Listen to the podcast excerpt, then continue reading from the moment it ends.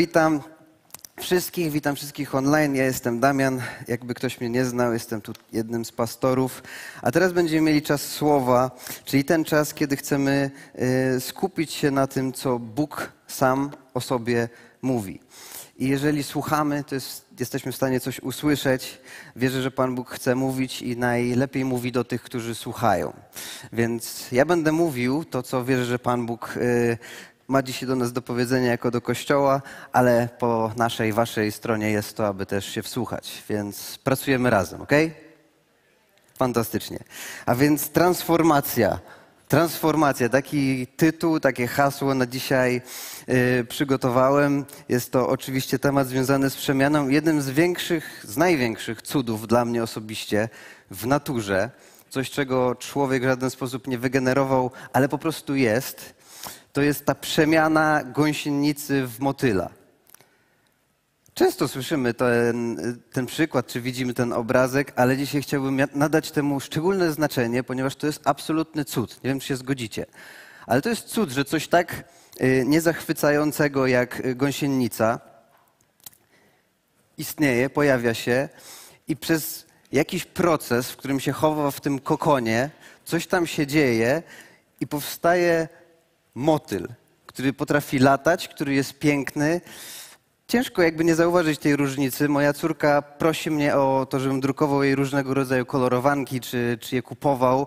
I rzadko jest okazja do kolorowania gąsienicy. Żeby dzieci się zachwycały tym, chciały malować tą gąsienicę i się podzielić tym, jaka ona piękna, ale często można tam znaleźć właśnie pięknego motylka. My, jako dorośli, również kiedy tam gdzieś uciekniemy na łono natury, motyl, kiedy płynie, o patrz, patrz, patrz, leci. Motylek, zachwycamy się tym. I jak wielkim to cudem jest, że w czasach, kiedy my patrzymy przede wszystkim na to, jak ludzie potrafią potencjałem swojego umysłu i działania rozwijać niesamowite technologie, jak wielkim cudem jest patrzeć na naturę, do której my się w żaden sposób nie przyczyniliśmy, żeby to działało, a to działa. Bóg to nam po prostu dał, stworzył ten świat i stworzył masę rzeczy w naturze, które po prostu funkcjonuje, gdzie między innymi niezachwycająca, nie najpiękniejsza gąsienica po prostu w procesie przemiany, która dla niej jest naturalna, która jest jej przeznaczeniem, staje się takim pięknym motylem. To jest właśnie ta transformacja, przemiana, metamorfoza, czyli proces, w którym następuje ta zmiana z czegoś, co było, na coś nowego, czego wcześniej nie widzieliśmy. I dziś chcemy spojrzeć na temat przemiany umysłu. To, co się dzieje w naszej głowie, to jest ten obszar naszego życia, z którym każdy z nas cały czas ma coś wspólnego. I Pan Bóg jest tym tematem żywo zainteresowany, ponieważ to, jakie mamy myśli, tworzy rzeczywistość, w której nasza codzienność po prostu się odbywa. I Bożym pragnieniem dla naszego życia jest to, abyśmy żyli w rzeczywistości Królestwa. Bożego Królestwa, rzeczywistości, w której On panuje, którą On nam dał, i aby móc tego doświadczać, to jest proces, który jest potrzebny dla nas, aby to, co jest w naszym umyśle, co często jest niezachwycające, aby zostało przemienione, jak ta gąsienica w motyla, w coś pięknego, coś, co sprawia, że naprawdę to życie może mieć miejsce. I chciałbym zadać od, od dwóch pytań, nad którym naprawdę chciałbym, żebyście się tak sekundkę osobiście zastanowili, ponieważ Kazanie o przemianie umysłu jest kazaniem łatwym, ponieważ dotyczy absolutnie wszystkich. Nie ma ani jednej osoby na tej sali czy w streamie, y, która może stwierdzić, nie, to nie do mnie. Ponieważ pierwsze pytanie jest takie, co w ogóle jest w Twojej głowie? Co tam w Twojej głowie się dzieje? Możesz pomyśleć o dzisiejszym dniu, o tu i teraz, możesz pomyśleć o tym tygodniu, ale co tam w tych naszych głowach jest? Nie wiem, czy też tak macie, ale czasami w głowie pojawiają się takie myśli, że można iść spać i budzić się z tym samym, y, z tym samym po prostu głosem, z tą samą narracją. Czasami jest to powodowane, tym, że jest jakaś stresująca sytuacja, ma się wydarzyć coś ważnego, gdzieś to w czasie, w procesie czasu jest rozłożone i cały czas o tym myślisz. Nie wiem, jest strach, są obawy, ale sprawia to, że cały czas nasz umysł jest zakotwiczony po prostu na tej jednej rzeczy, która generuje najwięcej, pochłania najwięcej energii, zajmuje najwięcej miejsca i niezależnie od tego, co się dzieje, to się pozostałe rzeczy będą działy gdzieś w tle, bo jest ta jedna rzecz, być może pęknięta relacja, być może jakiś problem, być może jakaś, jakaś, jakieś właśnie wydarzenie, które ma mieć miejsce, coś w pracy, co przykrywa nagle całkowicie naszą uwagę i nasz umysł jest całkowicie pochłonięty tym. Więc co dzisiaj jest w Twojej głowie? Co dzisiaj dominuje w Twoim umyśle? Bo oczywiście nie muszą być to tylko negatywne rzeczy. Zakładam, że wielu z nas jest w dobrym miejscu, ma dobre myśli, yy, które sprawiają, że chce nam się żyć. Dlatego yy, jest też druga część pytania. Znaczy drugie pytanie. Bo pierwsze to jest takie po prostu domyślne, co jest? Ale drugie pytanie jest takie, a co się w Twojej głowie pojawia?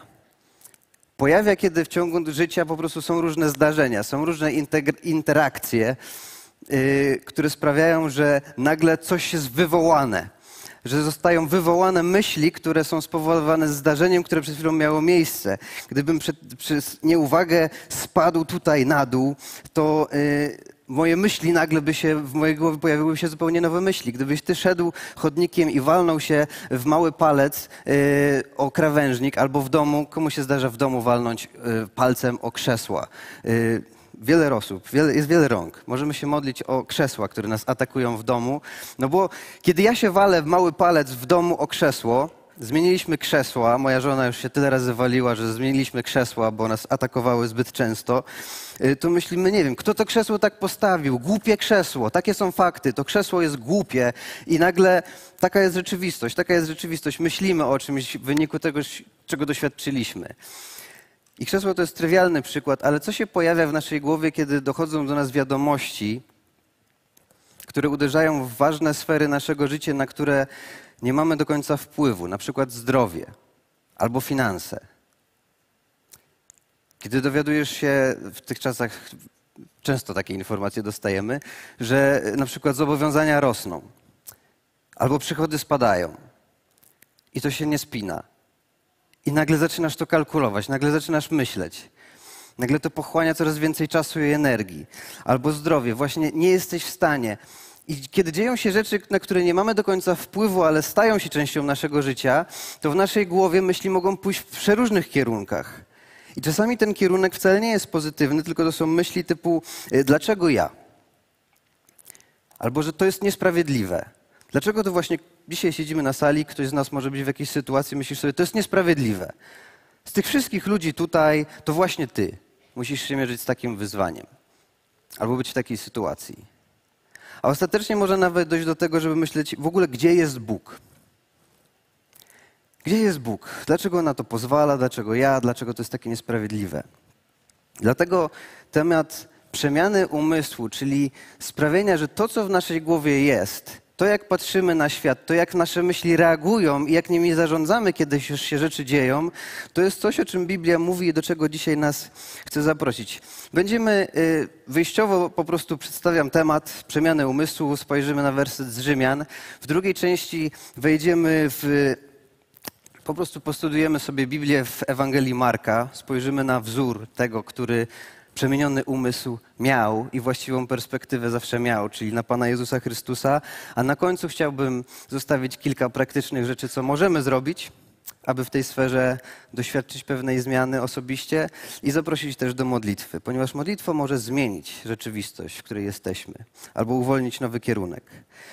Więc Rzymian 12:2, bardzo znany, bardzo znany werset, mówi tak: Nie naśladujcie tego świata i zmieńcie wasz sposób myślenia, abyście wiedzieli, jaka jest wola Boga, co jest dobre, co mu się podoba i co jest doskonałe.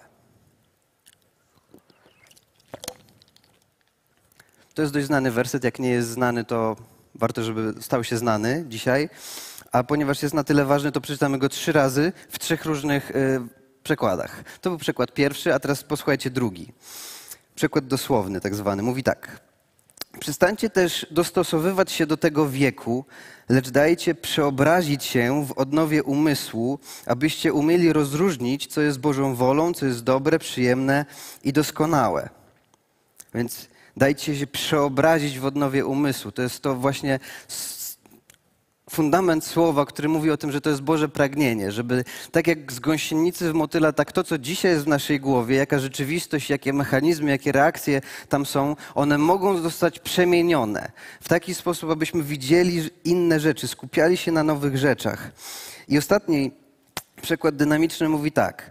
W żadnym wypadku nie naśladujcie świata, który was otacza lecz pozwólcie, by Słowo Najwyższego przemieniało wasz sposób myślenia na nowy. Tutaj podkreślenie właśnie tego słowo, że to ten cały proces ma sens, kiedy też masz kontakt ze Słowem i to ono tak naprawdę sprawia, że coś się może zmienić. By Słowo Najwyższego przemieniało wasz sposób myślenia na nowy, tak abyście mieli zdolność rozpoznania, co jest wolą Boga, a szczególnie tego, co jest dobre, co Bogu miłe, a co doskonałe. A więc to tutaj czytamy o tej transformacji, tutaj czytamy o tej przemianie i w każdym z tych wersetów, chociaż różnie dochodzą, różnie przedstawiane jest to, yy, czego mamy unikać, świata, tego, co nas otacza, nie upodobniać się do tego, ale przemieniać swój umysł po to, aby co? Aby umieć, yy, umieć rozpoznać, co jest Bożą wolą. I mówimy tutaj o tych trzech rzeczach. Co jest dobre, abyś nasz umysł, przemieniony umysł mógł zawsze być w stanie zobaczyć to, co jest dobre, czyli zapewniające dobry owoc, zdrowe, przydatne, pomyślne. Po drugie, co jemu się podoba.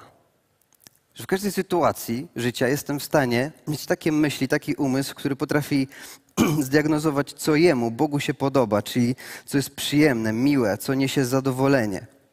I trzecia rzecz, co jest doskonałe, czyli co jest wyrazem dojrzałości. To jest zdecydowanie e, dobra uwaga dla tego, jak możemy zarządzić naszymi myślami, kiedy coś się dzieje, ponieważ osoba dojrzała inaczej może postępować, może odnaleźć w swojej głowie, pomimo emocji, pomimo naturalnych rzeczy, e, na pewne fakty, które się dzieją, możemy w dojrzałości osiągać inne myśli i inaczej kierować naszym zachowaniem, aby mieć inne reakcje. Ale przejdźmy szybko dalej do, do Jezusa, ponieważ to umysł Jezusa, to jak On rzeczy widział, jest tym, na czym chciałbym dzisiaj y, się skupić. O czym chciałbym dzisiaj z nami, z wami poczytać, ponieważ przemienny umysł, który, o którym czytamy w, w Rzymian, celem tego, tej przemiany jest to, abyśmy mogli widzieć rzeczywistość tak, jak widzi ją Bóg. Każdy z nas ma oczy, albo jeżeli ktoś jest nawet niewidomy, ma swój sposób postrzegania rzeczywistości. I ten sposób postrzegania rzeczywistości, to jak myślimy, jest kształtowane przez całe nasze życie od początku. To w jakiej kulturze się urodziliśmy, to czym sami się karmimy i to jak my widzimy świat, a to jak Bóg widzi świat, to jak my widzimy swoje okoliczności, to jak Bóg widzi nasze okoliczności, to często są zupełnie inne rzeczy. I celem jest to, aby widzieć rzeczywistość tak, jak widzi ją Bóg. Jezus Chrystus, kiedy czytamy Ewangelię, to nagle w historii świata pojawił się ktoś, kto widzi rzeczy i ludzi i naucza zupełnie inaczej, zupełnie z inną logiką, z innym podejściem. Na przykład mówi, że jeżeli chcesz być wywyższony, to się unisz. Chcesz być bogaty, to dawaj. Jak chcesz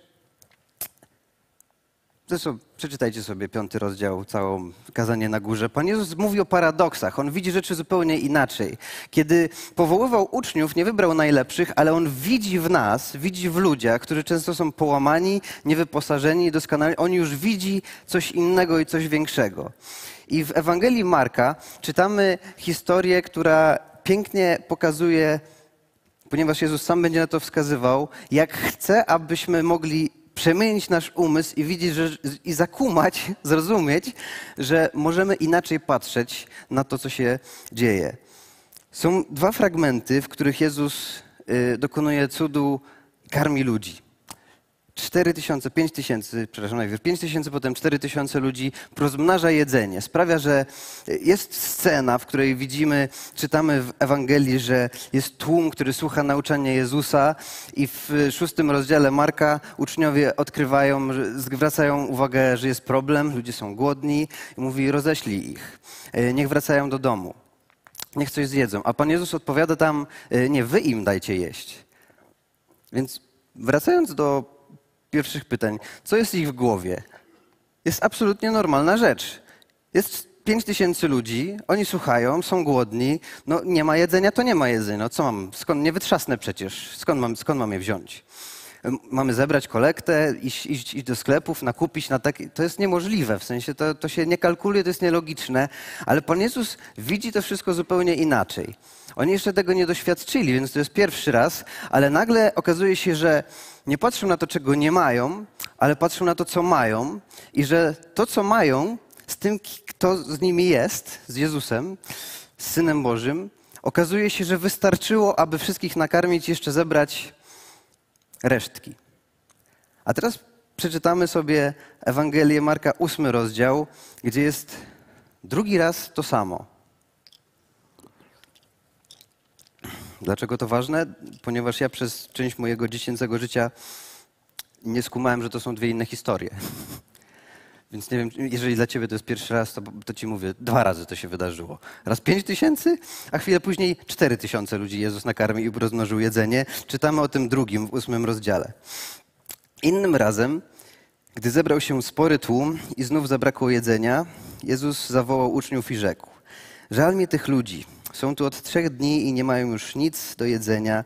Jeśli, odejdę stąd, jeśli odejdą stąd głodni, mogą zasłabnąć w drodze do domu a niektórzy przecież przyszli tu z daleka. I teraz zwróćcie uwagę na werset czwarty, który w kontekście tego, że w szóstym rozdziale wydarzy się dokładnie ta sama historia, ja nawet myślałem, że to jest ta sama, to dlaczego oni, mając to samo doświadczenie wcześniej, mówią, a skąd tu na pustyni weźmiemy tyle jedzenia? Spytali uczniowie. Jezus pyta, a ile macie chleba? Siedem bochenków odparli. Wtedy Jezus polecił ludziom, aby usiedli na ziemi, sam zaś wziął te siedem chlebów i podziękował za nie Bogu. Następnie łamał je na kawałki i podawał uczniom, a oni kładli je przed ludźmi. Znalazło się też kilka małych rybek. Jezus pobłogosławił je i również kazał rozdać zgromadzonym. I tak wszyscy najedli się dosyta, a zebranymi resztkami napełniono aż siedem koszy. A było tam około czterech tysięcy osób, a potem Jezus wsiadł z uczniami do łodzi i popłynął w okolice Dalma Nuty. A więc czasami, tak samo jak uczniowie w tej historii, mamy pewne doświadczenie z Bogiem, które y, może mieć te same elementy. Jest jakaś potrzeba, twoja osobista, czy w życiu rodziny, czy w życiu y, biznesu, której nie da się zaspokoić. Nie, nie, ma, nie wiadomo w ogóle, jak to zrobić.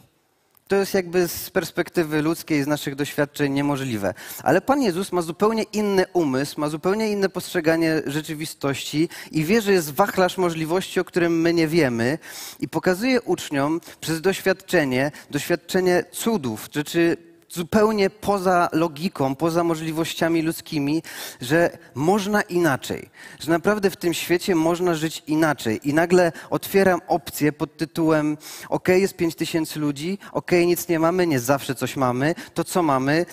Tyle rybek, tyle chlebków, okej, okay. w moich rękach to wystarczy. Pan Bóg bierze to, Jezus bierze to, yy, pomnaża, wszyscy są najedzeni. Ale później, kiedy mija trochę czasu i być może nie doświadczamy akurat takiej, nie, nie, doświadczyliśmy akurat tego typu cudu, ale jest taka sytuacja, że jest jakaś potrzeba, nie wiem jak ją rozwiązać, modlimy się, wysyłamy na ścianę modlitwy do kościoła i to się dzieje i, i, i jednak się udało. Jednak przeszliśmy dalej. Ale później chwilę jak chwilę dni, chwilę miesięcy dzieje się ponownie sytuacja i jesteśmy w tym samym miejscu w naszej głowie. Mamy te same lęki, te same mechanizmy. Y, nie wystarczyło to do tego, żeby przemienić nasz umysł, do tego, żebyśmy byli spokojni, bezpieczni, skorzystali z nowego rozwiązania.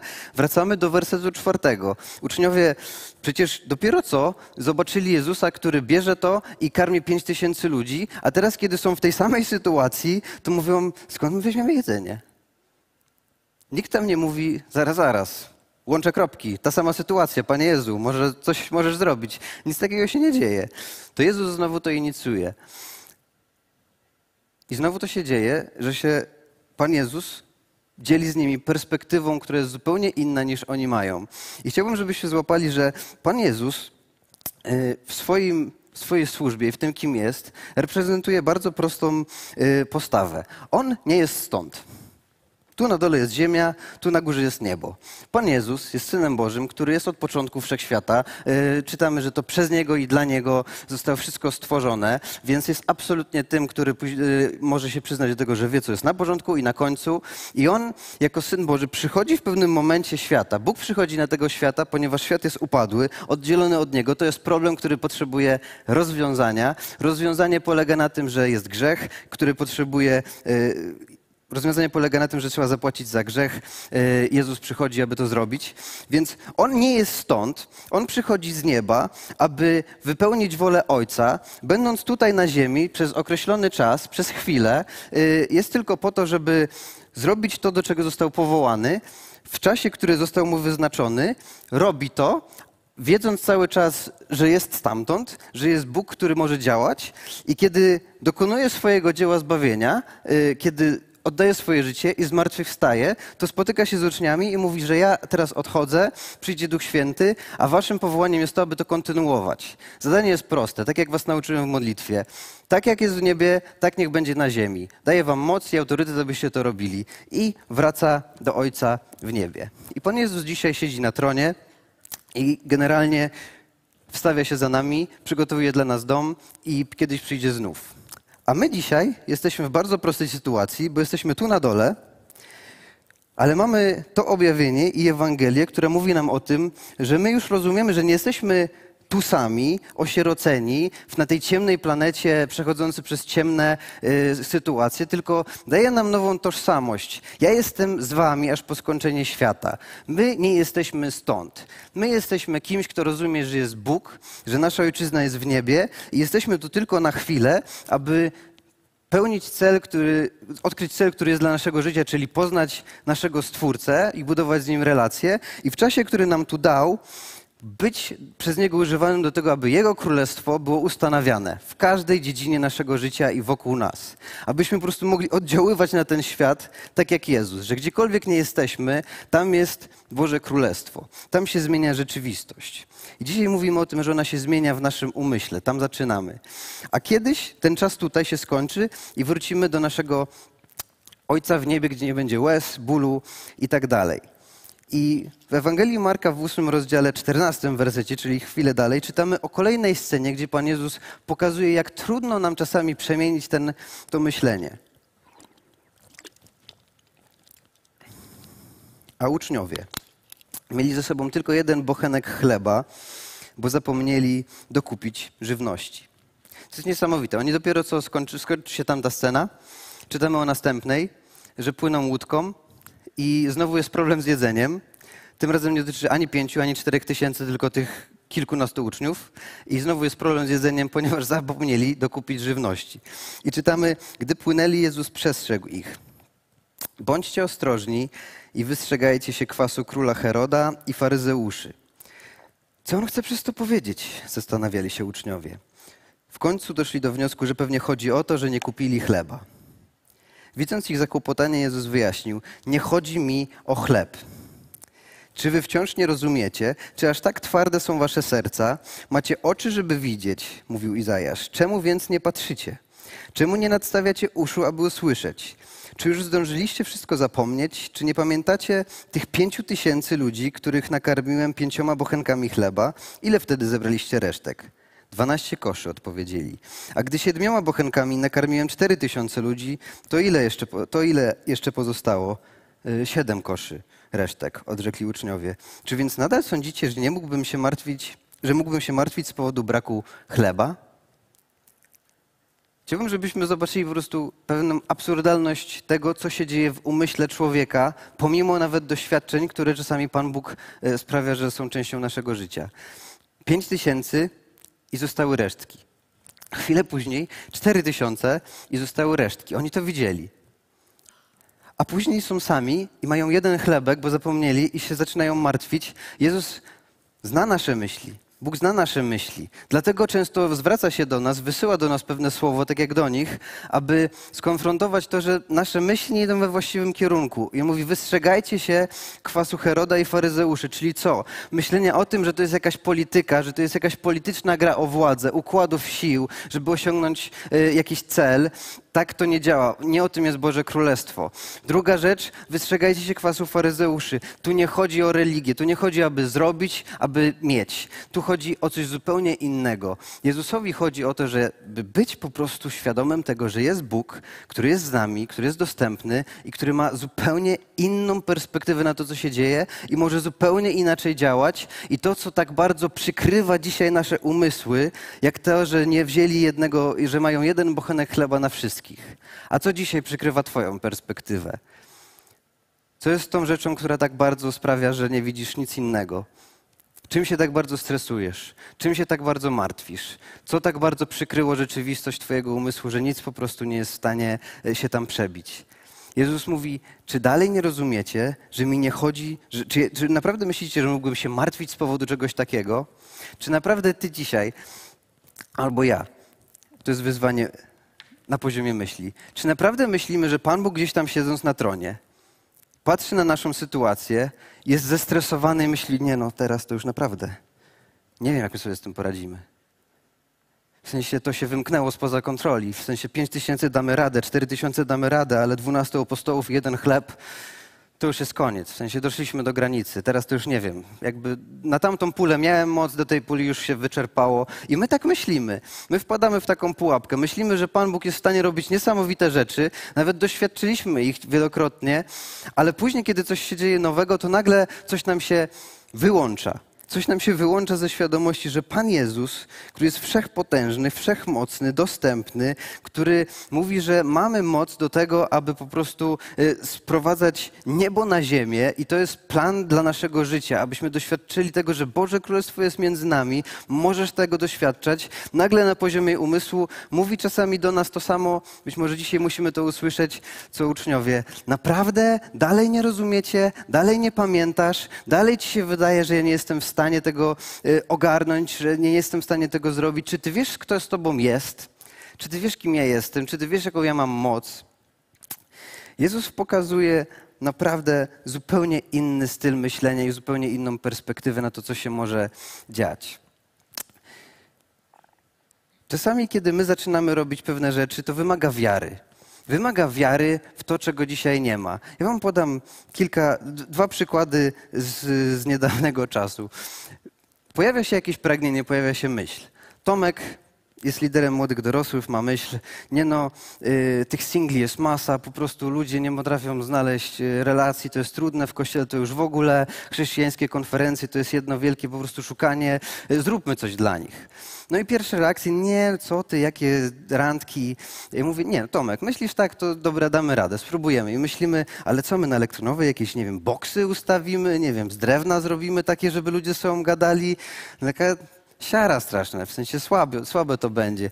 I myślałem, nie no, taki Michał kiedyś mówił, że jakby można użyć jego miejsca yy, i on ma salon z samochodami, bezsensowne, ale może zapytam, czy można to zrobić w samochodach? W sensie, jakby ci, te single, właśnie te randki byśmy zrobili im w samochodach. Więc pewnie nie, ale dzwonimy, więc pytamy. Yy, Michał mówi, nie no jasne, oczywiście, kiedy, działamy. I wczoraj mieliśmy fantastyczne wydarzenie, które y, zaczęło się od tego, że, że jest jakiś potrzeba, jest jakiś problem, chcemy pomóc go rozwiązać.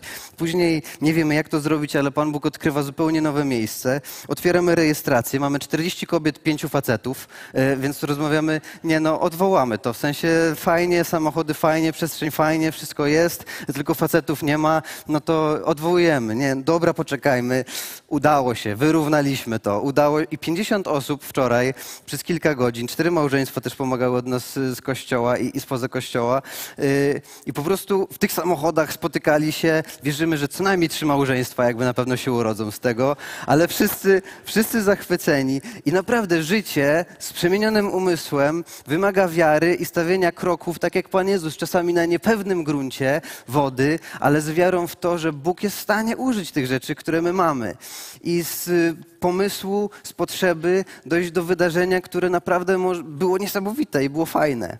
Tak samo pojawiła się w naszym kościele ostatnio Alfa. Kasia ma na sercu młodych, widzi, że są w jakimś miejscu, trochę to bez sensu, trochę nie, nie, nie tym powinna się zajmować, yy, ale to będzie dodatkowa rzecz. I o 12 w niedzielę spotykamy się, 30 co najmniej młodych, e, dorosłych osób się zapisało, jeszcze więcej znajomych zapraszają i to się dzieje. I tak samo się dzieją każde inne rzeczy, które Pan Bóg, e, które chcemy robić. Ale przemiana umysłu polega na tym, że to nie zawsze są tylko nasze starania, nasza moc, ale dostawienie tego, że w Bożych rękach są pewne rozwiązania, o których my dzisiaj nie wiemy, ale jak zaczniemy po prostu robić krok za krokiem z Nim we właściwym kierunku, to On przed nami te rzeczy odkrywa. Jak trzeba pomnożyć jedzenie, to pomnoży jedzenie. Jak trzeba otworzyć salon, to otworzy salon. Jak trzeba uruchomić w sercach ludzi pragnienie, to to zrobi. Ale zaczyna się gdzieś w naszym umyśle, w naszym dopuszczeniu rzeczy, które dzisiaj są dla nas niedopuszczalne. Teraz w Stanach y, od mniej więcej trzy tygodnie temu miało miejsce y, przebudzenie. Nazywamy to przebudzeniem, takie szczególne ruchy w Asbury na uniwersytecie. Podczas y, spotkania, takiej powiedzmy nabożeństwa dla studentów, jeden człowiek wyszedł, podzielił się krótkim przesłaniem, które miał na sercu. I czasami są takie momenty, że Pan Bóg po prostu coś przeklikuje i uwalnia. I przez dwa tygodnie na tamtej uczelni, po, tym, po, tej, po tej krótkiej wypowiedzi, można o tym poczytać w internecie, udostępniano wiele filmów. E, przez 24 godziny na dobę rozpoczął się czas modlitwy i uwielbienia. Ludzie przyjeżdżali z innych stanów i na tym uniwersytecie nagle zaczęło się robić niebo na ziemi. Nagle z jakiegoś szczególnego momentu, przez to, że ktoś wyszedł, coś powiedział, Pan Bóg tego użył i uwolnił jakiś czas. To się działo dosłownie przed chwilą w Stanach. I studenci nie wychodzili z tej kaplicy, cały czas tam byli, wychodzili, modlili się, wyznawali swoje grzechy. Zaczęło to się, ten ogień się przenosić w inne miejsca. Y, w kościołach zaczęto spotkania dla studentów, wielogodzinne modlitwy organizować. Pojawiały się filmiki w internecie z kawiarni, gdzie ludzie zaczęli, coś się dzieje, że Pan Bóg zaczyna działać. I ciekawe, że akurat w miejscu, gdzie ludzie kształtują swoje umysły, na uniwersytecie, Bóg tak irracjonalne, niezaplanowane, nie do końca kontrolowane działanie uwolnił. Trzeba się na takie rzeczy przygotować, że w naszym życiu Pan Bóg wychodzi poza logikę, wychodzi poza nasze doświadczenia, wychodzi poza naszą moc i chce On się czymś zająć. Dlatego na końcu mówiłem, że od czego zacząć, co dzisiaj możemy zrobić, aby tej przemiany umysłu yy, móc doświadczać. Takie trzy rzeczy. Trzy rzeczy, które naprawdę można, można na dzisiaj praktykować. Pierwsza rzecz to zdrowa dieta. Czyli dieta, w której dochodzi do ciebie prawda. Gdzie jest prawda? Tak samo jak fizycznie nie da się zmienić w dzień, nie da się stwierdzić dzisiaj, ok, chciałbym przemiany mojego ciała, chciałbym przemiany mojej kondycji, mojego zdrowia i jutro już widzę efekty. Nie. Najpierw trzeba coś zmienić. Najpierw trzeba doprowadzać do swojego, rzeczy, do swojego życia, wprowadzić pewne nowe rzeczy, wysiłkowe. Jeżeli przez cały tydzień, a bombarduje nas milion informacji, których czy jesteśmy świadomi, czy nieświadomi, cały czas do nas do one dochodzą.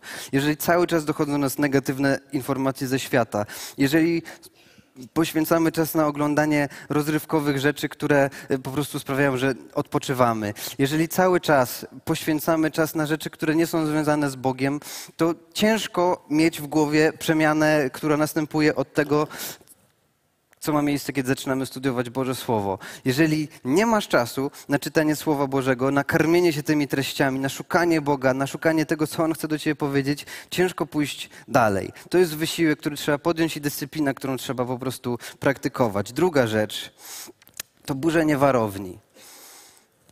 Burzenie warowni to rozpoznawanie kłamstw. Warownia twierdza to jest kłamstwo, w które wierzysz w naszych umysłach są takie rzeczy, które są kłamstwami, są nieprawdą. To nie jest to, co Pan Bóg wymyślił dla naszego życia. To nie jest to, co On o Tobie myśli. To nie jest to, co On myśli o tej sytuacji. To nie jest część tożsamości, którą Tobie dał. I są to kłamstwa, w które wierzymy i które cały czas oddziałują i mają wpływ na to, jak funkcjonujemy.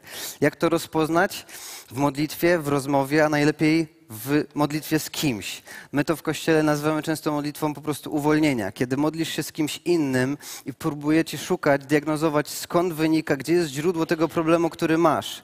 Często się okazuje, że ono jest zakotwiczane właśnie w wierze w kłamstwo, że jest jakaś twierdza, że na przykład masz obraz Boga, który jest nieprawdziwy, bo doświadczyłeś w domu e, rodzica, który nie, jest, nie reprezentował obrazu dobrego, kochającego ojca, więc dzisiaj ty nie masz świadomości, że masz dobrego, kochającego ojca w niebie i on nie ma dla ciebie dobrych rzeczy, on ma dla ciebie złe rzeczy, ma złe myśli o tobie, bo twój ojciec miał złe myśli o tobie, masz nieprzemieniony umysł, to jest warownia, która oddziela ciebie od tego. I trzeba to rozładować. To się dzieje, kiedy zaczynasz otwierać się na prawdę i kiedy zaczynasz konfrontować kłamstwa. To zaczyna być coraz bardziej wyraźne. Chciałbym zaprosić zespół, ponieważ ostatnia rzecz to jest też koncentracja naszego myślenia. Tak się zastanawiałem nawet, czy tak to wpisać, ponieważ to brzmi, jakbyśmy byli nagle w spotkaniu jakiś e, mentoringu, ale zastanówmy się, to na czym skupiamy nasze myśli, to jest zależne od nas. Ja studiowałem zarządzanie, wierzę, że praktycznie wszystkim da się zarządzić. Naszymi myślami da się zarządzić. To, że jakaś myśl jest, to nie znaczy, że tam musi być. Nawet w kontekście grzechu Pan Jezus mówi, że wystarczy pomyśleć, aby już cudzołożyć. Że grzech się rozpoczyna, na, rozpoczyna się w naszym umyśle, ale nie musisz za tą myślą iść. Możesz przecież ją skrócić. Mówi o tym, że możemy każdą myśl poddawać pod jego panowanie. Możemy zarządzić tym, co się będzie działo w naszym umyśle. A więc na czym tak naprawdę możemy koncentrować nasze myślenie? Drugi list do Tymoteusza mówi na przykład tak. Starszy chrześcijanin mówi do młodszego chrześcijanina, aby pomóc w tych sytuacjach. Pisze o tym, abyś dbał o koncentrowanie swojego myślenia na potomku Dawida, Jezusie Chrystusie, który powstał z martwych dla potwierdzenia prawdziwości dobrej wiadomości o Królestwie Bożym, którą i ja głoszę, idąc Jego śladami. Koncentruj swoje myśli na Jezusie Chrystusie. To naprawdę jest aktywne działanie ponieważ dzisiaj jest niedziela, ale od tej niedzieli do następnej pewnie w naszym życiu będzie masa interakcji, w ciągu których nasze umysł będzie szedł w naturalny dla naszego umysłu kierunek, kierunku. A Pan Jezus pokazuje, każdy z nas gdzieś w swojej historii prawdopodobnie miał te pięć tysięcy, miał te cztery tysiące i miał ten jeden bochenek i cały czas ma te same myśli, o Boże, co ja sobie z tym, jak, jak ja sobie z tym poradzę? Co my teraz zrobimy? Nie da się. Nie, doszliśmy do granicy. A Pan Jezus mówi, dalej nie rozumiesz? Dalej nie łapiesz? Czy ty masz serce z kamienia, przepraszam? Nie podporządkuj się temu światu, ale przemieniaj swój umysł, aby móc zobaczyć, co jest wolą Boga, co jest dobre, co jest miłe, co jest doskonałe. I wtedy, niezależnie od okoliczności, jesteś w stanie zobaczyć, że Bóg teraz chce coś zrobić w tej sytuacji, w tobie, przez ciebie. Że to nie jest problem, tylko to jest cud, który jeszcze się nie wydarzył, ale który jest częścią dla Twojego życia. To jest moc Boża, która chce się objawić w czymś, ale być może jeszcze nie przełamałeś sam swojego umysłu, żeby zrozumieć, że Bóg to może zrobić. A Bóg czasami przychodzi i wywraca, jakby kredki z plecaka nam po prostu wyciąga i mówi: Inaczej teraz będziemy działać. Chcę Cię zaprosić do innego myślenia, ponadnaturalnego myślenia. Kochani, chciałbym zaprosić Was, żebyśmy wstali.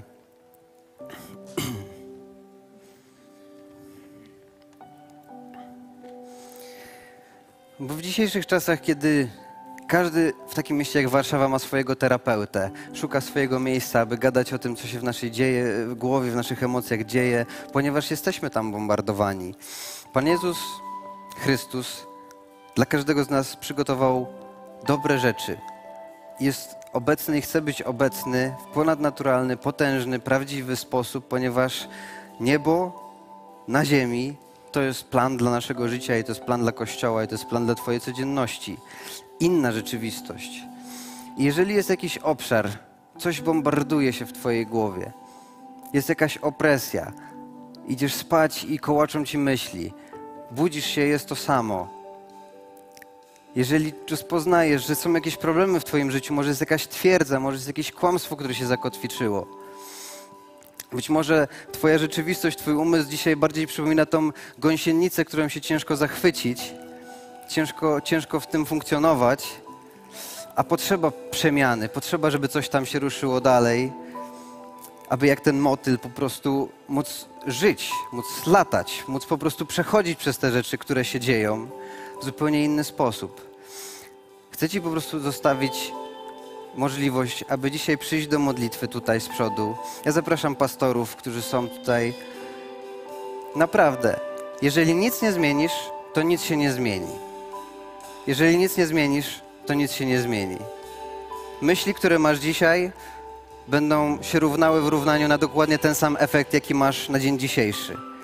Ale jeżeli chcesz przemianę umysłu, chcesz być może przemianę swojego życia, może chcesz po prostu, aby Pan poddać dzisiaj tą sferę swojego życia Panu Bogu, to zapraszam Cię. Będziemy śpiewać ostatnią piosenkę i wyjść i pomodlić się. To jest powiedzenie Panu Bogu, że jestem gotowy, abyś coś we mnie dzisiaj zrobił, że przyjmuję dzisiaj to słowo i chcę, abyś mnie gdzieś zaprowadził. Nie chciałbym, abyśmy zamknęli na chwilę oczy i mam pytanie, kto, kto dzisiaj czuje, że to jest słowo do niego? Jest parę rąk. To słuchajcie, zapraszam was, chodźcie tutaj do przodu. Nie zostawajcie sami z tym, ale właśnie przekujmy to w modlitwę.